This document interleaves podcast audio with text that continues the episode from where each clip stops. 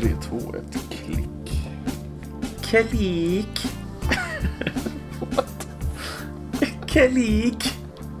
Är du ute och går och tar bilder Hej hej. Hej hej. Kiruna. Kiruna. Corona please. Det är fascinerande hur länge vi blir varnade för coronan av uh, tiggarna. Alltså faktiskt. Alltså de visste om det här för fan snart tio år sedan. Ändå agerar vi aldrig. Vad är det för fel på oss? Ja, alltså antagligen så är vi ju anti, anti-tiggare. Alltså eller någonting. Det, Anti-romer. antis, anticiganist tror jag det kallas så. Anti-ziganist ja. Så är det ja. Hej och välkommen till eh, Koffepodden med mig, Koffe och den ständigt kringresande Nedem. Hej Nedem. Hej hej. Jag ska få en Vet du vad jag dricker för något? eh, stark bärs. Nej. Det hade i och för sig varit jävligt nice. en eh, veckodag. Det är ändå lillördag idag. Lill-lördag. Det spelas alltså in på lördagen innan valborg. Lill-lördag. Exakt. Precis. Stämmer. Nej, men jag dricker en kopp eh, Java som det heter. Cup Ehm, Joe. A cup Joe. Precis. Det gör du också. Det, det gör jag ganska ofta faktiskt. Alltså, jag, jag har en fundering kring det där faktiskt. Det här med... Alltså, om jag säger till dig så här. Mm. Vill du ha en kopp kaffe? En kopp kaffe. Enda gången som du faktiskt säger nej på den frågan. Det är om du redan har druckit en kopp kaffe eller om du har druckit för många koppar kaffe den dagen.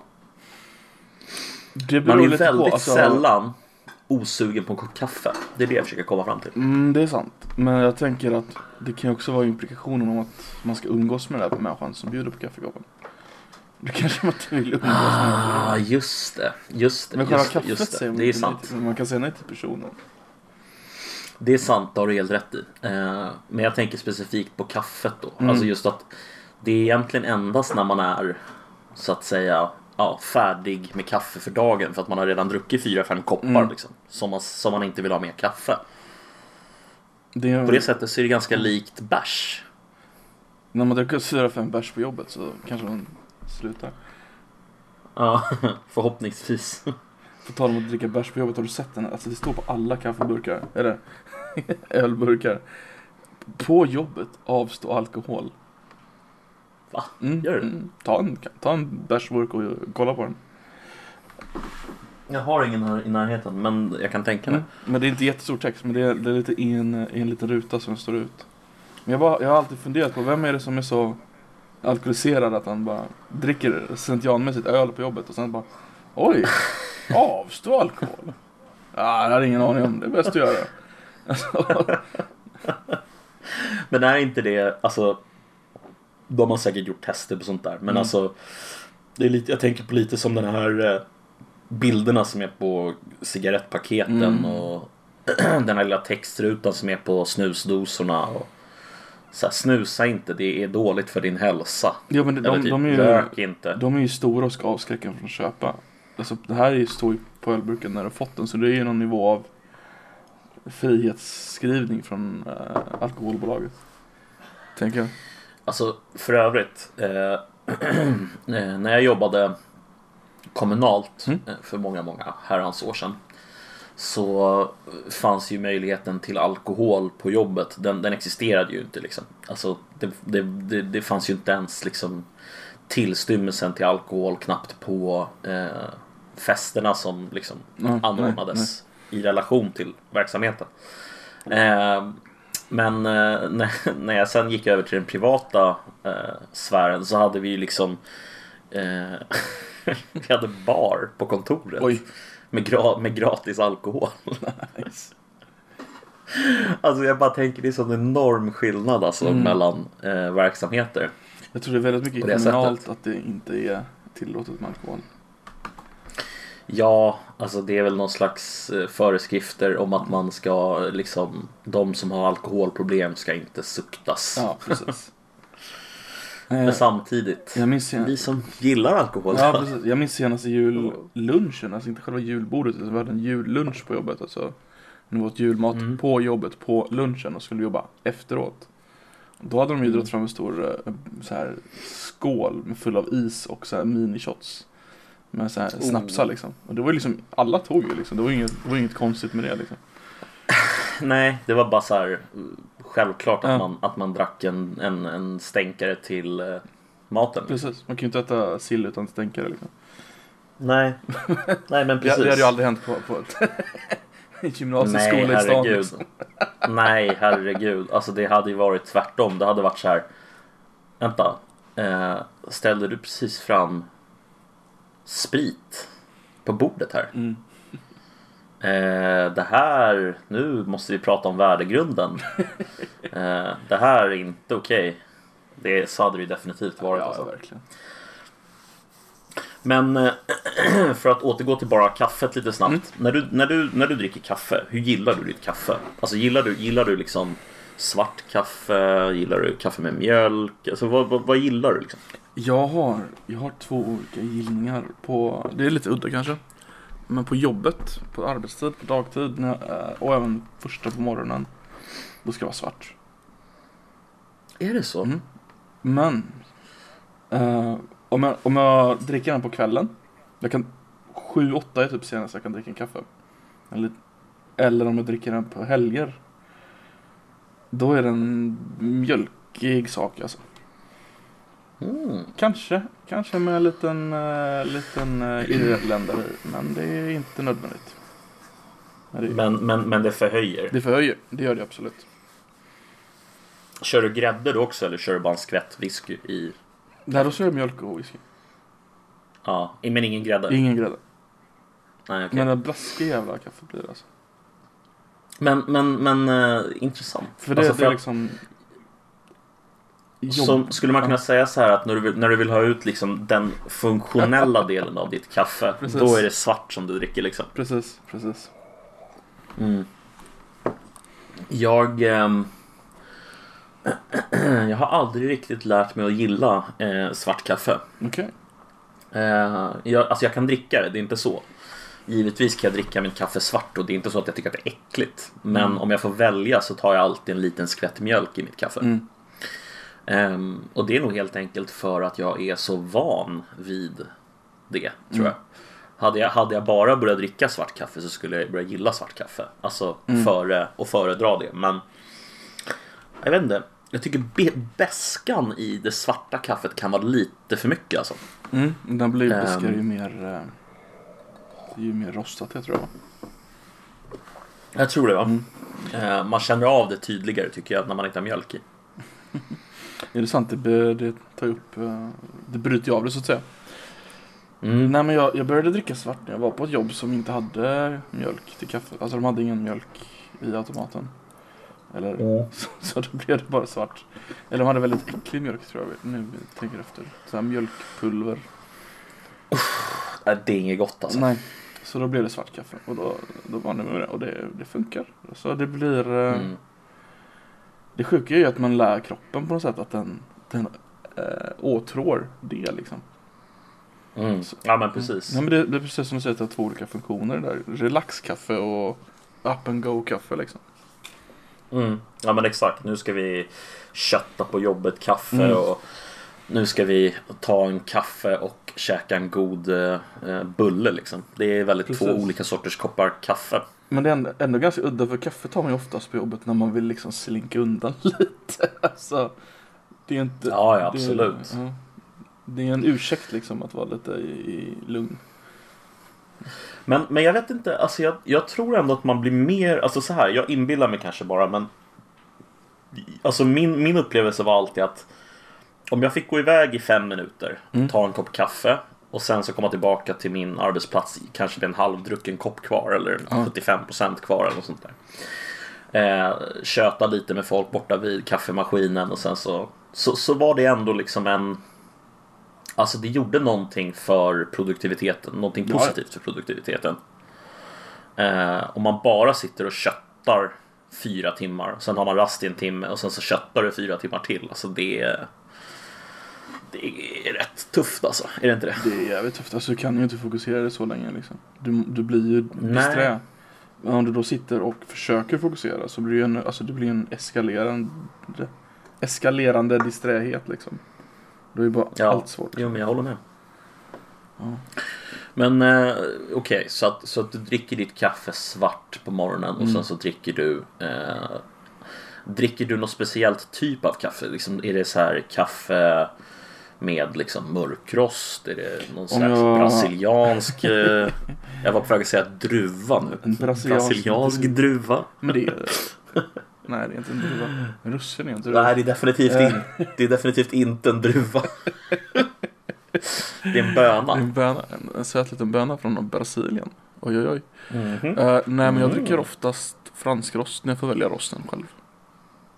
Det är ganska, det är ganska grov... Ja, Alltså, eller hur? Det är ganska mycket beska i ja fransk rost. Det är, det, det är det. Men det är ändå någon, Påminner...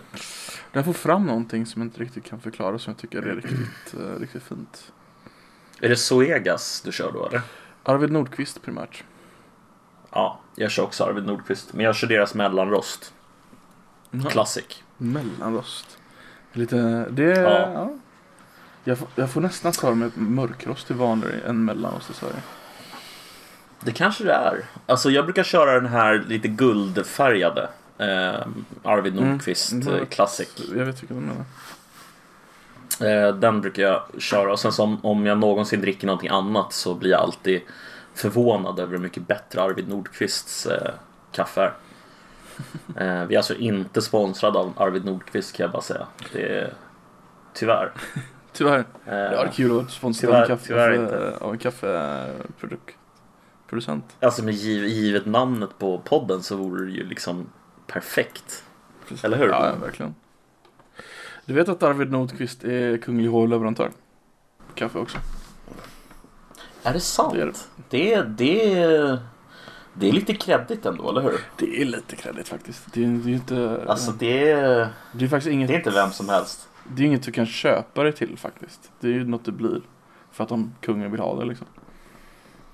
Det är så alltså. Ja, ja. Alltså det, det är ju slottet som ger ut det liksom. Men hur fun- vet du hur den processen går till eller? Inte exakt tyvärr. Det vore ju intressant att ta reda på för att ibland så ser man ju Mm. så här på ja, vissa företags eh, märkning liksom att det står kunglig hovleverantör. Ja, att bli kunglig hovleverantör är en hedersutnämning som tilldelas företag som bevis på att företagets produkter eller tjänster är uppskattade av någon medlem av kungafamiljen. Och det är då någonting som, precis som du sa då, som eh, beviljas av Hans Majestät Konungen. Ehm, och man måste minst ha levererat varor eller tjänster till hovet i minst fem år först innan man kan bli aktuell. Intressant. Aha, okej, okej. Det följer även vdn på företaget personligen. Så att om denna vd slutar, då måste företaget återigen då ansöka om att få en, ett hovleverantörskap igen. Det där är nog Ja. väldigt, väldigt gammalt. Men det är ändå väldigt coolt. Ja, det är lite, det är lite ballt faktiskt. Mm. Ehm, och de kan även återkalla den då om eh, Mm. företaget eller vdn på något sätt har misskött sig, bytt inriktning på verksamheten eller slutat tillverka själva produkten. Det är ju inte, det är, det är Eh. inte jättekonstigt. Det kommer väl från den här tiden. där var liksom riktiga eh, kreatörer som gjorde saker. Liksom, att det var Pelles öl liksom. Pelle som var bygg, Ja. byggmästaren. Så då visste man att det var kvalitet när han gjorde ölen liksom. Eller, eller en här- liksom. Whatever. McDonalds, kunglig hovleverantör. Om han... Vi har levererat, vi har levererat McNuggets till kungen i 20 år. Alltså om, vi, om, om kungen skulle dö och så kronprinsessan skulle dö. Då får vi ju, Mm. heter hon, Estelle? Hon är, fan, är ju, i och för sig hon är ganska gammal nu, hon är 12 va? Nej, och så, nej lägg av. Nej, så gram, nej, kan hon inte vara. Hur gammal är hon nu? Hon är, hon är åtta. Hon är Ja men 8 och 12 är samma sak. Nej 8, 8 Scheisse, okej. jag bara, Ja, Men då skulle ju hon bestämma vilka som blir kungliga hovleverantörer. då finns ju faktiskt chansen att 8 plus 5 år, 13 år, att hon sk- skulle ha McDonalds som kunglig hovleverantör. Ja, faktiskt. leverantör, kunglig hovleverantör av Happy Meal sedan 2016. Prinsessan Estelles första leksak. Eh, alltså, vad heter det? Shit, hon är redan åtta år alltså. Jag tyckte det liksom var igår som hon var ungefär nyfödd. Men det är det fan inte. Det är åtta år sedan alltså. Åtta år sedan. Mm. Men hon har väl en... eh, Kan, du, kan, kan du tronföljden eller? Alltså efter henne? Uppenbarligen kan du de två första. Eh, tronföljden. Eh, ska se här. Först Eller arvsföljden. Arvsföljden. Tronföljd heter det väl? Det heter arvföljden enligt, eller ja, det heter både och. Kanske. Mm. Jag skulle säga att Först är det Victoria, sen är det. Stell. Sen är det någon riktigt absurd jävel här för mig. Det är, alltså, Carl Philip först på fjärde plats. Det är korrekt. Uh, för mig att det är... Nej men det är klart, det är ju... eh, det är... Vad heter han? Oscar heter han va? Ja, Ja det är, det är, det är. Estelles bror såklart. Ja. Och sen, sen är det Carl Philip, sen är det eh, Carl Philips son tror jag. Mm. Eh, och sen jag tror han har två. Sen är Madeleine. Mm. Eh, sen Madeleines son, eller dotter tror hon har. Sen kommer jag inte riktigt Du ihåg. kan det. Sen kommer jag inte riktigt ihåg Du efter kan. Ja, men du kan ju, du kan ju tronföljden. Du har helt rätt. Ja. Eh, det det, schema, det är liksom. prinsessan, prinsessan Leonora, Mm. eller Leonore. Eh, och sen så, alltså det vill säga Madeleines dotter. Och sen så prins Nicolas. Och prinsessan Adrienne. Det är ett Adrienne. fett namn ändå. Namn. Det var inte svenskt. Adrienne. Adrian. prinsessan Adrian. Vad fan fick de Eh. Adrienne ifrån? Jag vet inte. Det måste vara den här Eh. jävla O'Neill som har fått det från någonting. Säkert. Han, han, ser ut, Adrian. han ser ut som en som skulle ha McDonalds som hovleverantör om han hade chansen. Alltså, han ser så jävla självgod ut för övrigt. Alltså, Han gör ju det. kolla på den här bilden. Jag lägger upp den här nu. Alltså, kan man se mer självgod ut än det där? Bara... Tjena! Han ser ut som... eh, han skulle vara vän med Patrick Bateman i... eh, vad heter den filmen? Exakt. American Psycho. Han, sk- han skulle vara Eh, vännen ja, som han visste skulle- om allt allting hände typ. Tycker det var lite ballt. Han skulle vara den där snubben som visade upp sitt eh, visitkort som var lite, lite Ja, schysstare det. än Patrick Batemans visitkort. Lite vitare till och med. Ah, wow. Lite, lite vitare, lite glattare, lite, lite, lite schysstare eh, färg på namnet. ja, nej men eh, fan vad intressant. Eh, tror du att eh, vi kommer ha kvar eh, liksom kunga, eh, så ska man säga, alltså tronföljden så att, och så vidare tills det är dags för Estelle? Alltså det vill säga, Ja, det tror jag. du tror det? Ja, När kan det vara dags för Estelle? Om vi leker med att kungen, kungen kanske lämnar över till henne någonstans 20, alltså om man nu får leva så länge som man kan förvänta sig, kanske 20-30 någonting. Mm. Eh, och sen så Victoria, hur gammal är hon? Hon är alltså, Det vet jag faktiskt inte. 45? eh, hon är 42. Så säg att hon blir, hon blir drottning någonstans när hon är runt 50 år då. Mm. Så kommer hon att sitta till hon är 35, 85 år till. Nej, 35 år till till hon är 85 kanske. Mm, då är Estelle typ 40 någonting. Nej, då är hon ju 50 Hmm. också. Hon är ju redan 8 Ja. 18. Eller ja. Ja, hon är redan 8. Nej, men då blir hon Precis. 40, 40, vad blir hon? Ja, men 43. jag tänkte... 43. Ja, var det inte det jag sa- tänkte? Ja, jo. Mm. Eh, jo, men hur som helst. Eh, poängen var bara, alltså, Så, det är ändå en bra bit in i framtiden alltså, innan det är dags för Estelle. 50 år, 40 år, 40 år. 35 år. Helt galet. Nej, men hon blir ju 50 någonting. Alltså vi tar ju på kungens Mm. år. Eh, ja, men Precis. ja, men varför skulle det... Ja, Alltså jag tror att ehm, kungen är ju så pass folkkär. Så att det handlar ju om att hur, hur folkkär den nuvarande är. För att bytet ska gå bra liksom. Och det är ju själva bytet som det är ju. Men jag tror ju att kronprinsessan Victoria kommer vara ännu mer folkkär. Precis, och då finns ju ingen risk att Estelle inte kommer få ta över. Nej, nej, så är det ju. Frågan är om hon vill ta över. Alltså, förstår du? Alltså, Victoria tror det. Men alltså, tror jag vill det. Men jag tänker Estelle. Alltså, Vad ska du göra? Vad har du planer för?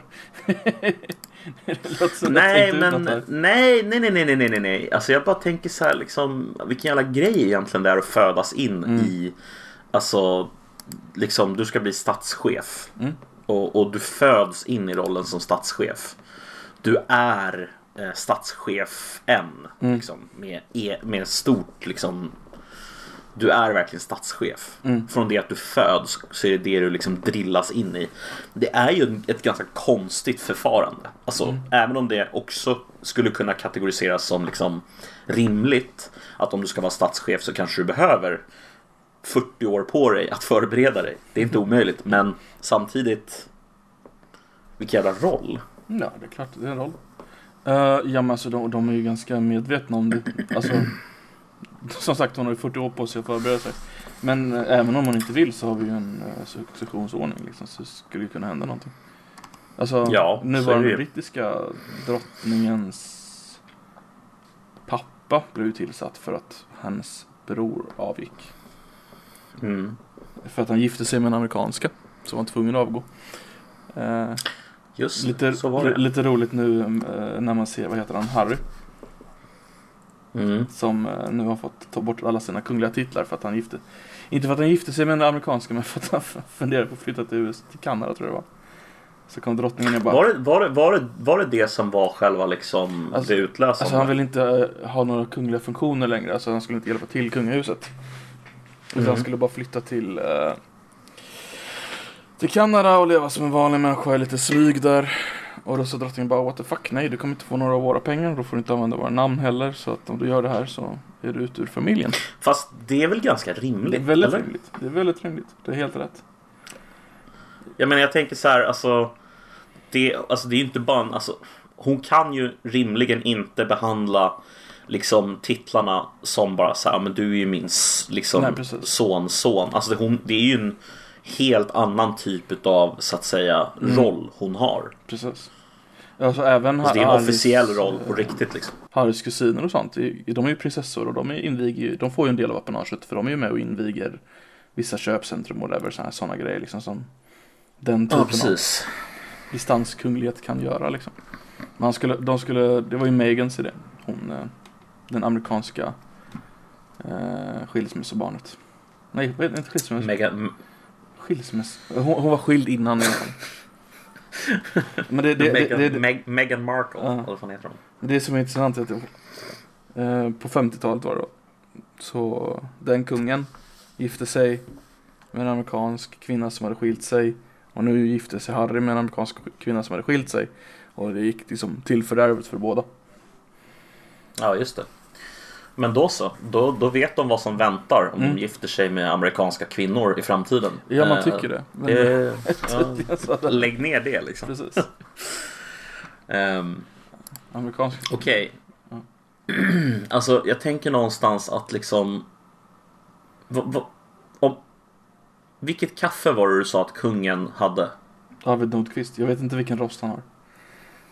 Du vet inte vilken rost han har? Nej. Om, om, vi, om, om vi får liksom gissa, vad tror vi? Nu ska jag gå in på Arvid Nordqvists hemsida och kolla vilka eh, roster de har. Så känns det som någonting kommer att bara stå ut så här för mig. Arvidnordqvist.se för er som inte har eh, internet i mobilen. Oj jävlar vad många sorter de hade. Ehm, Alltså, tror vi att det är bryggkaffe han kör på? För det första. jag tror inte han... Eller är det presskaffe? Han är nog en... Kokkaffe? Nej, jag tror han är bryggkaffe alltså. Han känns brygg, eller hur? Mm.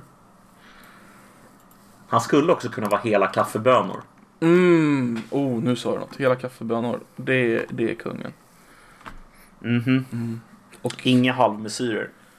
Nej. Han är nog en... Oh, ska vi se här. Gud, det var svårt. Det blev så... Det blev så viktigt helt plötsligt här. Uh, alltså, tror inte du han kör uh, mellanmörk, Grandia? Hela bönor. Jo, Generös Jo. och fruktig smak. jo, jo. Mm. Jag kan se det. Jag kan också se extra mörkrost. Men det är bara baserat då på titeln eller namnet som, eller beskrivningen då. Kraftfull och balanserad. Jag är kraftfull och balanserad. Ja. Jag är kraftfull, balanserad.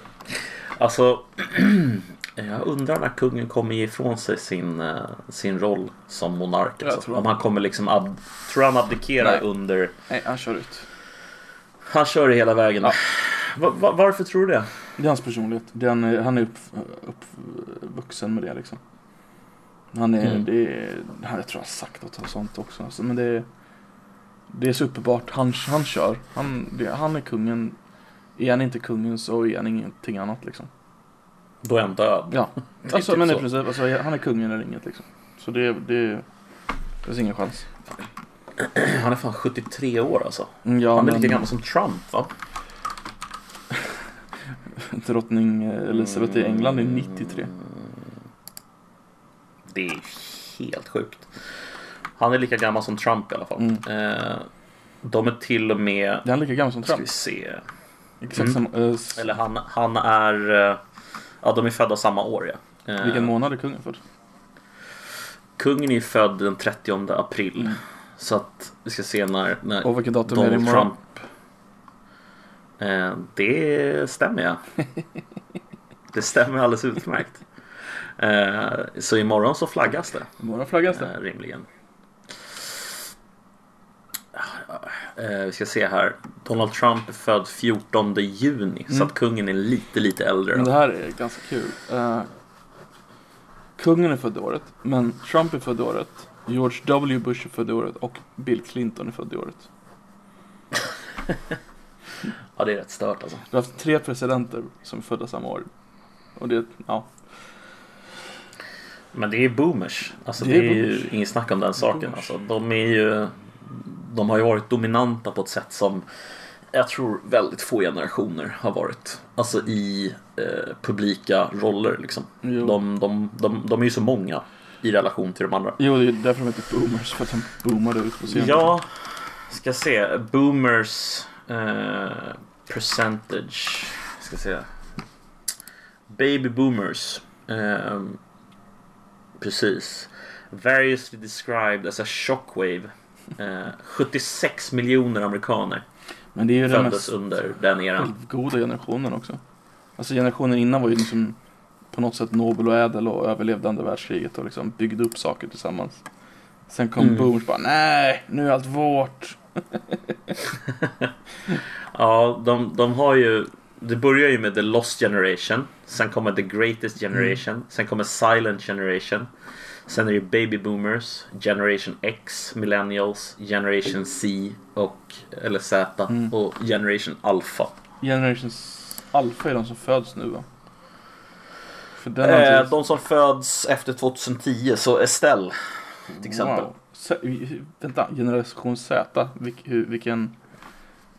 De är födda från och med mitten till slutet på 1990-talet och fram till 2010 ungefär. Wow, så de är typ 15 år gamla. Eh, de yngsta ja. Men de äldsta är ju alltså nästan 25 va? Är det inte det? Mm, okej. Mitten av 1990-talet så de äldsta är 25, de yngsta är väl 15. Jag trodde millennials Eh. gick längre ner. Ja, okej. Eller t- ja, precis. Nej, millennials går till, ska se här. Eh, millennials är från eh, tidigt 1980 eh, fram till mitten 1990 ungefär. Så 1981 till 1996 brukar vi Okej. säga. Så gissningsvis är du och jag millennials. Det råkar nog vara så. Fan vad hemskt. Millennials. Stackars oss alltså. Ja, alltså, borde, vi kommer nog döpas om från något millennials till något annat tror jag. Alltså, Tror du det? det tror jag. Alltså vi gick ut på arbetsmarknaden första gången när den största finanskrisen i vår generation var. Uh, Mm. Och nu är det ju en ännu större finanskris som precis har börjat. Så precis liksom när vi för har fan. återhämt, alltså kommit in, alltså vi, vår generation har ju legat efter på Mm. grund av den kraschen. Och sen den har väl precis börjat återhämta sig och komma typ, näst, inte ikapp men liksom närma sig att komma ikapp. Och nu kommer liksom nästa boom och då kommer vi falla ännu längre ner. Och sen kommer det bli så, frågat, alla så här nystartsjobb och sånt kommer ju vara för generationen i, efter oss. Så vi kommer nog Ja. ligga ganska långt efter ganska länge. jag har en fråga till dig angående eh, den pågående eh, covid-19 slash den ekonomiska krisen som pågår. Och det är, tror du att den ekonomiska kris vi genomlider för tillfället Mm. är den inte något annat än ett farthinder mot en ännu mer globaliserad världsordning? Eller är den ett skifte mot någonting annat? Beror på.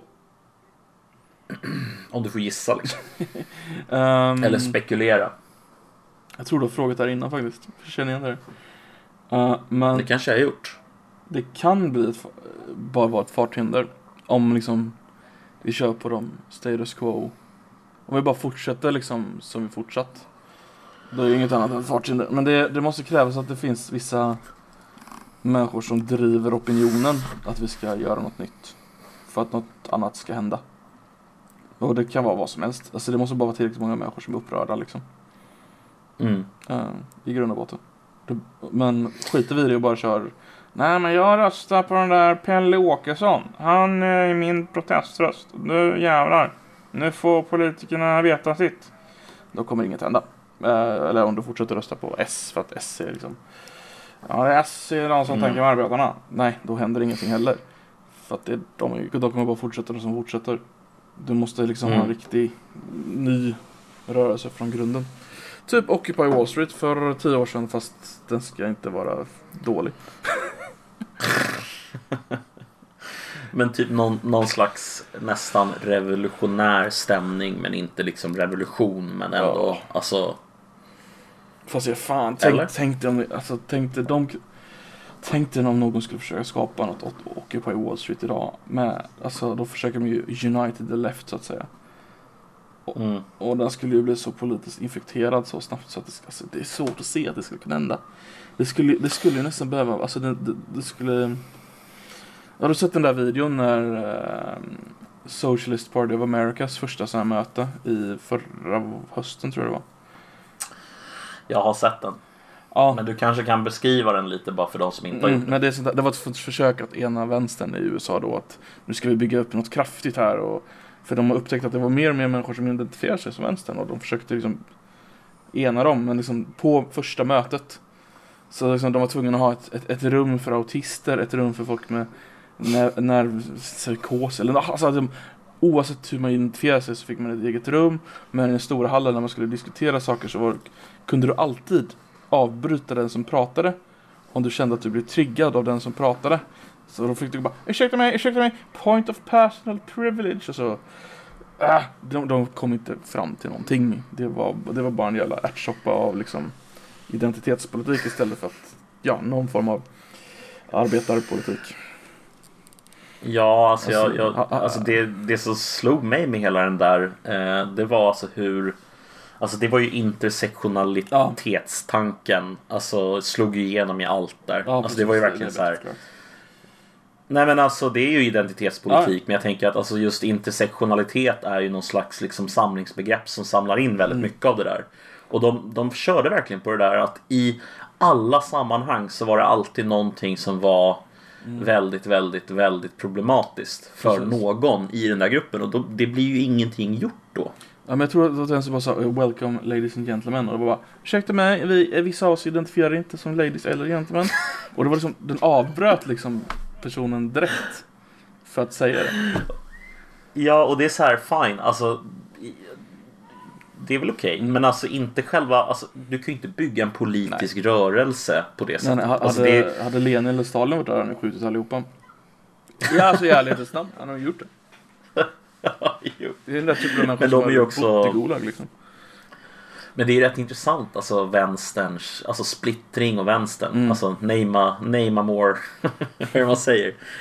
Name a more, uh, na na na combo. Uh, Ja, nej men better fan är det citatet går? Name a more, ja, spelar ingen Ja, roll. det.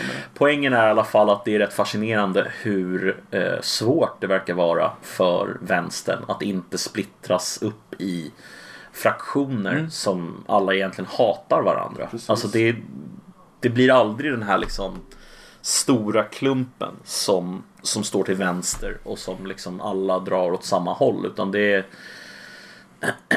det blir väldigt, väldigt uppsplittrat. Mm. Vad, vad, tror du det, vad tror du det beror på? Så har det i alla fall varit historiskt. Mm. Jag vet inte, det kanske inte kommer se ut så i framtiden. Men... Det har alltid funnits en vänster som alltid varit ganska stor i Europa, socialdemokratin. Men den håller ju på att döda. Absolut. Men den är ju reformistisk i Mm. och för sig. Och jag, jag tänker väl någonstans, alltså det kanske jag skulle specificerat. Alltså jag menar ju den icke-reformerta eh, jag, vänstern. jag förstår, men jag, jag tror att det är ganska bra att påpeka att det alltid funnits en stor vänster i alla fall. Eh, Mm. Så det, det har ju funnits vänsterpolitik. Men varför den delar upp sig? För den är den är, den är millenniär, all, de mesta vänstern. Alltså det vill säga att de, de, de tror på det stora år, nästkommandet. Eh, Mm. det är liksom Det är inte små steg framåt utan de fokuserar hela tiden på Ja men när vi har vunnit då kommer det se ut så här och då kommer de alltid ha Den andra kanske inte exakt vill ha det på det sättet utan nej men Lite mindre stat och lite mer anarkism och så då, Så de hittar slutmålet och delar upp slutmålet istället för att Hitta En gemensam väg framåt Jag tror jag har helt rätt. Mm. Jag, jag kan inte invända mot den analysen överhuvudtaget. Jag tror att det, det är precis det som händer. Det, i, I den diskussionen så uppstår massa friktionsytor. Precis, precis Det, det uppstår en friktionsyta. Eller var det Carl Bildt sa? Eh, en friktionsyta uppstår förvisso. Eh, nej men det, det är ju verkligen så. Ja. Alltså i, i det där eh, liksom målet som de ställer upp så, så kommer de inte överens Mm. helt enkelt. Eh, Även om de det kanske är därför eh, man behöver en Lenin som bara säger hit ska vi, håll käften. Jo men det är ju så. Alltså folk vill ju bli ledda också. Så det, det hjälper ju. Ja, det, det är... Jag vet inte. Jag, alltså jag, jag, jag tror ju någonstans att vi, att vi rör oss mot en mer... ehm, så här. Jag tror att vi går mot en mer polemisk politisk eh, framtid. Eh, Absolut. Det blir mer, mer polemik. Mm. Ehm, och jag tror att det kommer bli färre personer som identifierar sig som politiskt ointresserade eller politiskt apatiska så att säga. Folk kommer ha kommer bli tvingade tror jag eh, potentiellt att välja sida eh, eller åtminstone identifiera sig med någon av sidorna som kommer att uppstå. Får flika in en sak där? Om Absolut. Jag tror det är rätt med att folk kommer identifiera sig mer politiskt. Men det, med det sagt inte att de kan mer om politiken eller att de är mer politiskt intresserade egentligen. Utan det kommer vara den här fluffiga övernivån som de, de tar del av. Absolut. Alltså Mm. jag, jag skulle vilja säga att det kommer vara mer som liksom lagsports eh, Mm. alltså Mm, grejen. absolut, det vill säga absolut. att man identifierar sig med sitt lag. Mm. Men om någon skulle fråga dig vem som spelar eh, högerytter så skulle du bara säga så här va? I vilken sport? Alltså pratar du ens om liksom? Precis. Eh, och det, men, och, och så, så tror jag det kommer vara. Men, men alltså, jag tror ändå att vi rör oss, alltså, om vi nu leker med tanken att det här, som, som, som, bara för att ta ett exempel. Eh, har du hört talas om det som kallas den snåla fyran? Vad sa du? Den... Den snåla fyran. Nej, det har jag inte hört. Okej, men jag säger Sverige, Nederländerna, Danmark och Österrike. Så här är det. Okej. Eh, det, kom, det kom, jag vet inte om du hörde det, men, men det är ganska nyligen så kom det ju ut eh, en hel del förslag på att vi skulle kunna eh, att de länderna som har störst problem med covid-19 och följande ekonomisk kris skulle kunna få låna pengar Mhm. eh, av de länderna i nord mer eller mindre. Eh, helt enkelt för att få sina ekonomier på fötter igen efter, efter krisen. Det var ett EU-projekt då. Okej. Eh, men de, de här sydeuropeiska länderna då, framförallt eh, Italien och eh, Spanien, de tyckte ju då att eh, det skulle vara bidrag. Mhm. Eh, och eh, då sa ju givetvis Sverige, Nederländerna, Danmark och Österrike eh, nej. Det kommer det inte bli. Utan om ni ska ha några pengar av oss då kommer ni få ta det som ett lån. Och det är ju för att man är rädd för att de här sydeuropeiska länderna ska bedriva en oansvarig ekonomisk politik. Liksom. det är det som är. Mm. Eh, men den sydeuropeiska gruppen tycker ju då att den snåla fyran är osolidarisk med, med Sydeuropa. Mm. Eh, det här tyder ju, tycker jag, på att alltså, vi ser ju redan alltså, tecken på att det är ganska ordentliga spänningar inom EU. Och de här spänningarna har funnits Absolut. länge, men de blir mer tydliga nu. Eh, jag bara tänker så här att om det rör sig i den riktningen, alltså, så är det inte så svårt att se att det kommer bli liksom mer eh, polemiskt mellan liksom de som är för en solidarisk liksom, ekonomisk politik till exempel med resten av Europa och Mm. de som är mer liksom inåtvända och tycker att nej men Sverige ska ta hand om Sverige och du vet Mm. dut, dut, dut, dut. Ehm, jag vet inte, jag, bara, jag vet inte riktigt vad jag vill komma med men jag vill, jag vill komma till att vi någonstans går vi mot en mer eh, polariserad framtid och Mm. det tror jag att det kommer bli eh, intressant och lite läskigt. Tror du att EU överlever det här? Eh, ja, det tror jag. Eh, om jag får gissa så tror jag att vi gör det. Alltså, jag, tror, jag tror inte att... Alltså så här. Eh, det ska gå ännu mer fel än vad det redan är på väg att göra om EU inte ska överleva. Eh, men finns potentialen för att det ska gå så fel så att EU skulle kunna åtminstone i den eh, versionen vi känner EU just nu Mm. eh, förändras? Ja, det, det tror jag å andra sidan. V- vad tror du? Om EU överlever? Eh, Alltså någon form av EU kommer att överleva. Eh, men den kommer nog ändras en del tror jag. Jag tror att det, kommer, det har lämnat mycket bad taste så att säga bland eh, de, de europeiska ledarna mellan varandra. Mm. Eh, Jag har tagit upp det förut, men ta det här till exempel om att Frankrike beslagtog våra munskydd. Mhm. Och det har ju varit liknande grejer inom Europa och det här med den snåla fyran då, som du säger att det blir mer eh, friktionsytor, som du sa, inom EU. Ja. Eh, vilket då nog gör att själva eh, viljan att samarbeta minskar. Ja, alltså jag, jag har svårt att se att det inte blir så. Det Mm. känns som att liksom länderna vänder sig mer och mer inåt Precis, mot precis. Liksom den klassiska statens roll, det vill säga att se till sin egen befolkning först. Och det leder till att de, den liberala världsordningen som har liksom varit eh, rådande framförallt sedan andra världskriget men kanske varit absolut som tydligast efter murens fall blir liksom inte lika eh, attraktiv längre. Precis. Vi har ju de här eh, östeuropeiska länderna som samarbetar. De bromsar ju ner lite integrationen av EU medan Syd och Västeuropa liksom försöker accelerera den. Exakt. Men här så tror jag att nu kommer Östeuropa fortsätta deaccelerera medan väst kommer nog försöka eh, sakta ner lite också. Det enda jag tror som kan eh, förena oss ganska snabbt och ganska hårt och det är nog ganska möjligt tyvärr. Det är att om den här eh, sjukdomen Mm. när den eh, når Afrika och sånt där på riktigt. För det lär den ju göra. Mhm. Det finns ju ingenting som säger att den inte kommer nå Afrika. Även om det verkar inte ha nått Afrika till de nivåerna än. Nej, precis. Och då kommer vi se ganska höga dödssiffror där nere för de har ju inte världens bästa sjukvård. Kan vi anta. Definitivt. Och då kommer deras ekonomier krascha ännu mer och då kommer ännu mer att dö och det kommer göra att vi kommer få väldigt många som kommer försöka komma därifrån och komma till ett stabilt Europa. Eh, och med tanke på förra gången det hände en stor invandringsvåg till Europa, hur, hur hårt vi enades då. Eh, till, Mm. till slut, alltså efter det hade hänt, så, eller mot slutet, så började vi enas ganska hårt i Europa.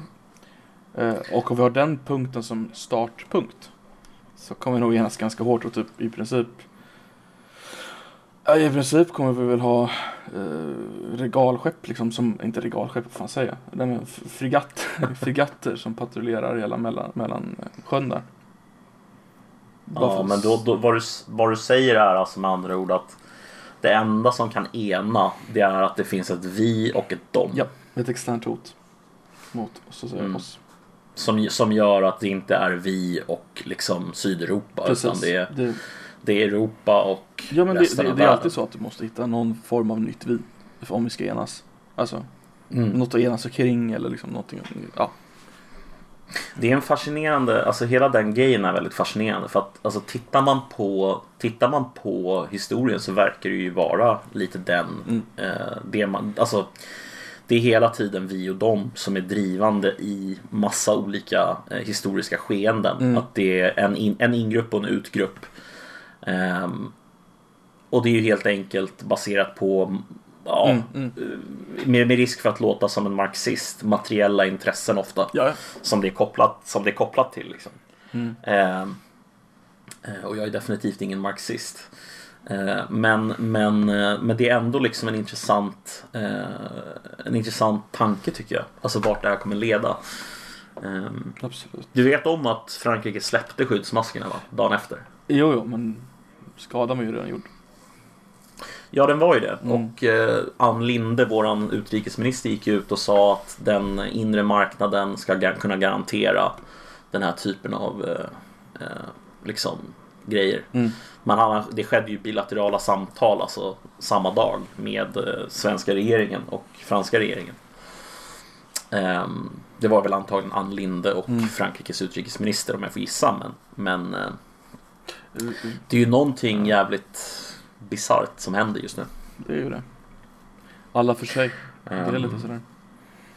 Men, men då, då är min fråga till dig så här. Eh, skulle man kunna avhjälpa det här med en liksom global eh, version utav filmen The Purge? Eller En global version av filmen The Purge.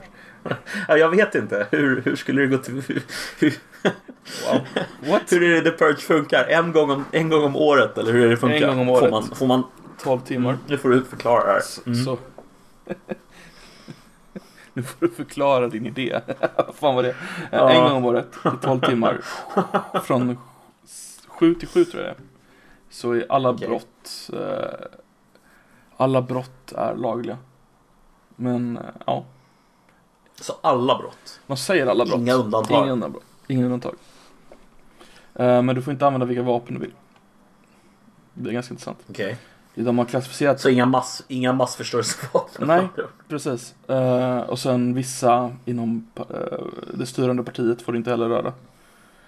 Eh, Okej. Folk som är, vad säger de? Eh, vapennivå 4 och under får du använda och du får inte eh, röra de som är säkerhetsklassning 10 eller uppåt. Så du får inte ha en, eh, du får inte ha bomber till exempel. För du får inte göra allt för stor påverkan på samhällsfunktionerna. Men vill du döda någon så får du göra det. Men eh, tåget ska kunna gå imorgon. Det är lite kul. Alltså vilken hemsk alltså, värld det skulle bli. Alltså förstår du hur många människor som skulle dö Mm. eh, det, den dagen varje år? Det är lite det som är grejen. Eh, Alltså grejen, alltså egentligen i de filmerna, alltså, det är att i, i, de har gjort en som är The First Purge och då har de en sån psykolog med. Som, som eh, hennes idé är att om folk får leva ut sina aggressioner en gång om året så kommer de vara jättelugna nästa år, eller eh, under året och sen kommer de antagligen inte vilja göra det nästa år för att de har redan levt ut aggressionen, de förstår vad det innebär och de har hanterat det psykologiskt. Eh, däremot så visar det sig då att det gäller, det fungerar tvärtom, att folk blir mer och mer aggressiva för varje år.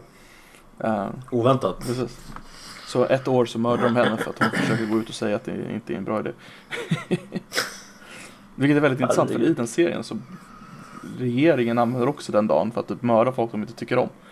För att de, de har ju också Mm. rätt att göra det. Mm. Ja men precis. Du kan ju bara assassinera någon den dagen och det går ju ingen kan ju veta vem det var som Mm. ens gjorde det liksom om du, om du vill göra det på det sättet. Nej precis, det är en stor grej i, i, i filmen, eller i, i, andra serien. Är det det? Då, kan du, då är det många som köper liksom lönnmord på den dagen. Mm. Det, det finns, oh, jag ska spoila lite här om det är okej. Ja, spoila på för min del. Jag kommer nog inte se den oavsett. Så. Ja. Nej men det, alltså, det är ganska intressant för de har gjort två serier. Första serien är bara en förlängd purge-natt. Den andra serien är mycket mer intressant. För då börjar den på en purge-natt. Och sen får man se hur det har påverkat samhället till nästa Purge Aha. Så det är en kille som inte tror att han gjort något fel i världen. Och så försöker, äh, försöker blir han, äh, så kommer en lönnmördare efter honom. Så bara, wow. så lyckas han, han lyckas inse att det är en lönnmördare för han, ja, de har en stor fight scen då och han, äh, ja han får se att det är, det är ett pris på hans huvud på 73 000 dollar.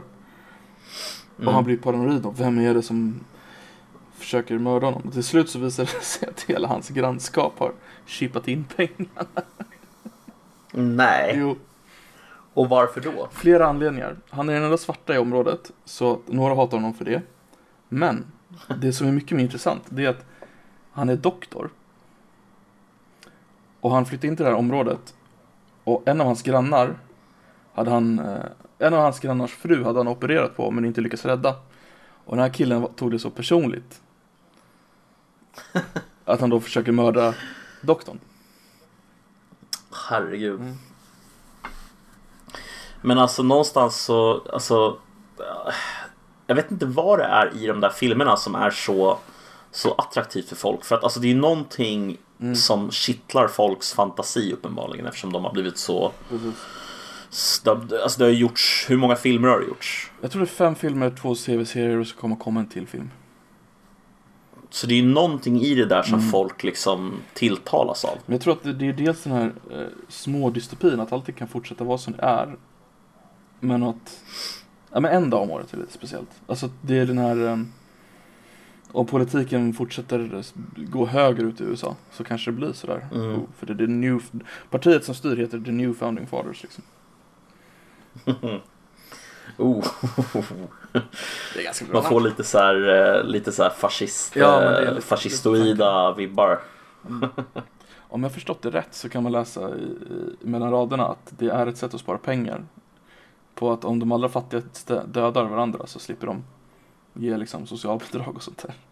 Så de, upp, och Men det de, här måste ju, de uppmanar det lite extra i, i fattiga områden. men det här måste ju även då leda till att rika människor anställer eller åtminstone har helt sjuka säkerhetssystem Ja, ja. då Det är en hel, en gång om det året. är en hel ekonomi i, i, i serien. Hur bra säkerhetsgrejer man har. Ehm, sen kan, Åh herregud. sen eh, Jag blir nästan sugen på att se något av dem ändå alltså. Ja men de är ganska bra. Jag tycker serien var förvånansvärt bra alltså. Jag går in lite mer i Lauren, för de är ju längre. Men det finns uh, rikemansfester såklart. Där de dels bara går runt och mördar folk. Ja just det, Eh, vad heter han? En av Baldwin-bröderna är med i serien. Okej.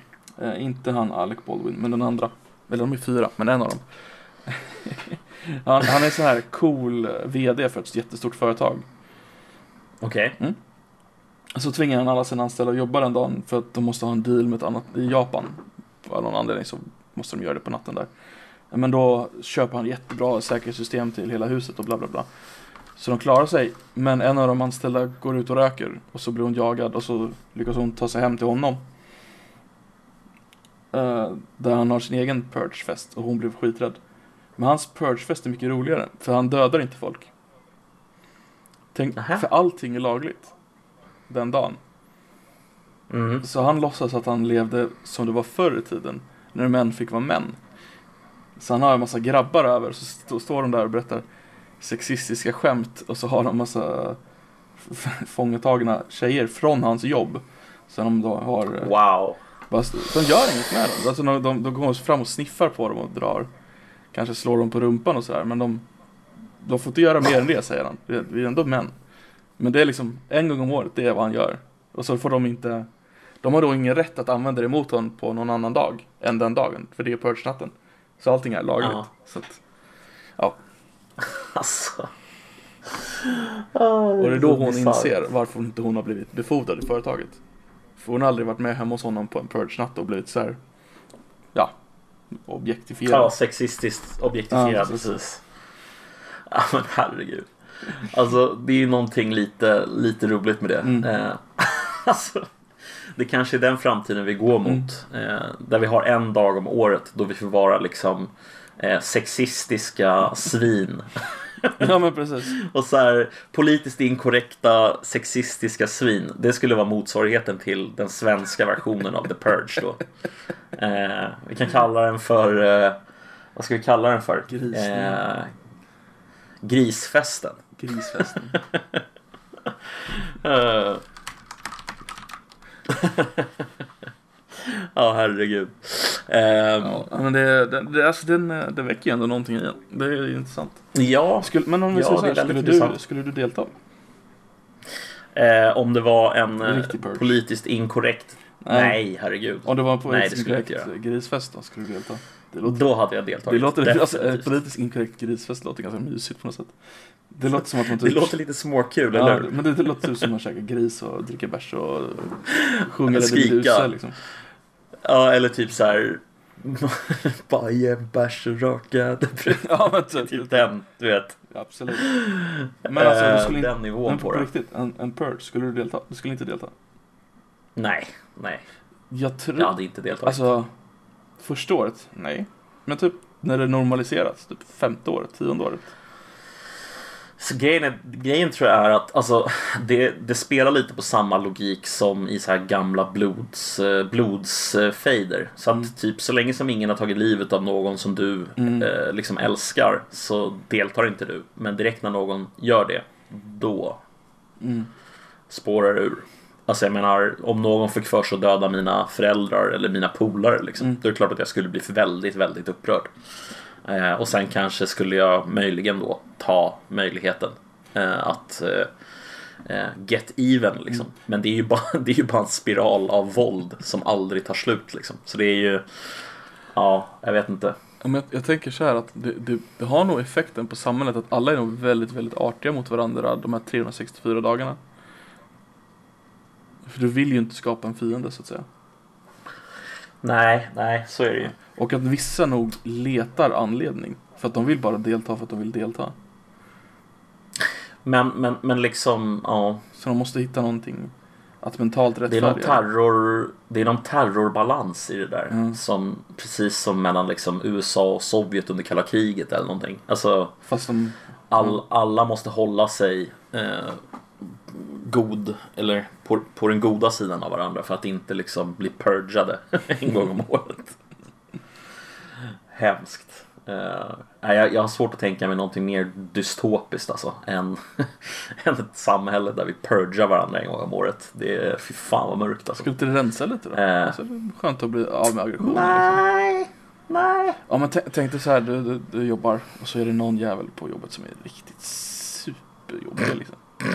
Skönt, är det inte lite skönt att bara liksom kutta han lite Ja så men, ja, men säg, säg om man jobbar i en skola då. Ja. Om man har en elev som är skitjobbig. Ja, då får, ja men precis, precis. Ingen skulle ju tro att det är du. Eller ingen skulle, ingen skulle få bry sig heller.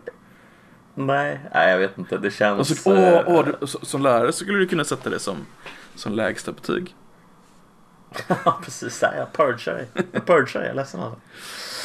Ehm, ja, jag tror att vi, vi får väl säga det. det är, vi går en eh, potentiell... eh, ett potentiellt våldssamhälle till mötes då. Om vi får en purge-natt. Är det, är det kanske det vi ska, på europeisk nivå, ska vi, ska vi dra upp det som förslag från Sverige då? I, i, Eh, i filmen eh, så slutar de med att, eller i serien så slutar de med att det tas upp i EU. Att de ska ha en purge något Det är så? Ja. I se- senaste... Ja, men då så. Det är bara att snacka med någon EU-kommissionär. Men skulle vi Eh, ha en purge något EU skulle den då vara mellan länderna så att vi kan typ invadera Norge liksom, eller Danmark liksom? Eller skulle det vara mer på personer? Ehm, bra fråga. Eh, jag, jag skulle säga både och. För att det finns ingen, vad är distinktionen egentligen? Alltså, det är väl då att du inte får använda mer än grad 4 av vapen. Mm, Eh, men det betyder ju att du får väl använda maskingevär. absolut. Så att eh, får man använda liksom granatkastare? Nej. Nej, men det räcker. AK5 liksom. Det är, eller AK4 liksom.